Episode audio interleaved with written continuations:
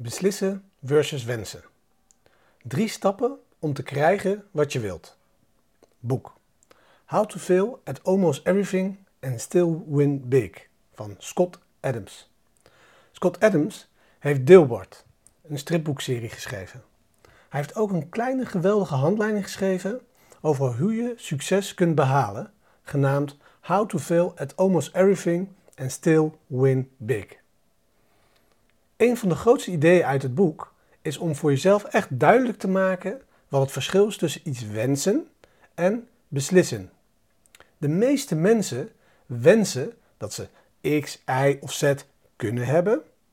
De meest succesvolle onder ons beslissen dat ze X, Y of Z zullen hebben. Wat is het belangrijkste verschil? Als we beslissen, krijgen we duidelijk wat we willen. We krijgen dan ook meteen duidelijkheid over de prijs die we moeten betalen om het te krijgen. Waardoor we meteen aan de slag kunnen gaan met betalen van die prijs om te krijgen wat we willen. De wijsheid die Scott Adams met ons deelt, kan je opbreken in drie eenvoudige vragen. 1. Wat wil je? 2. Wat is de prijs die je moet betalen? En 3. Wat is de volgende stap die je moet nemen om die prijs te betalen?